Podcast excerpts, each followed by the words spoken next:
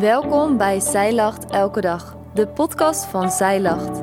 Mijn naam is Femke.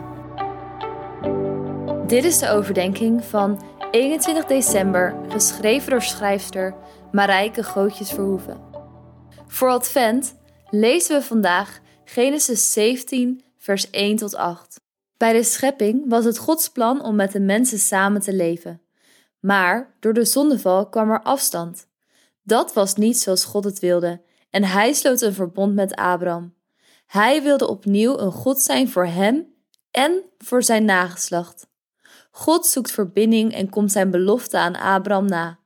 Door de komst van Jezus is er verzoening gekomen voor Israël en voor alle andere volken, dus ook voor jou en mij. Geen afstand meer, maar samen leven met God, de God van trouw. Zelfs als wij ontrouw zijn, blijft Hij trouw, omdat Hij zichzelf niet kan verloochenen. Daarom mogen we aansluiten bij de lofzang van Maria met de woorden uit Psalm 136. Heer, ik loof u, want u bent goed. Eeuwig duurt uw trouw. Voordat je gaat, heb jij altijd al eens de hele Bijbel willen lezen, maar lijkt het een te grote opgave?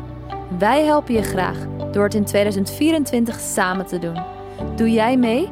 Bestel nu de Zij Lacht Bijbel in één jaar of download het gratis leesrooster.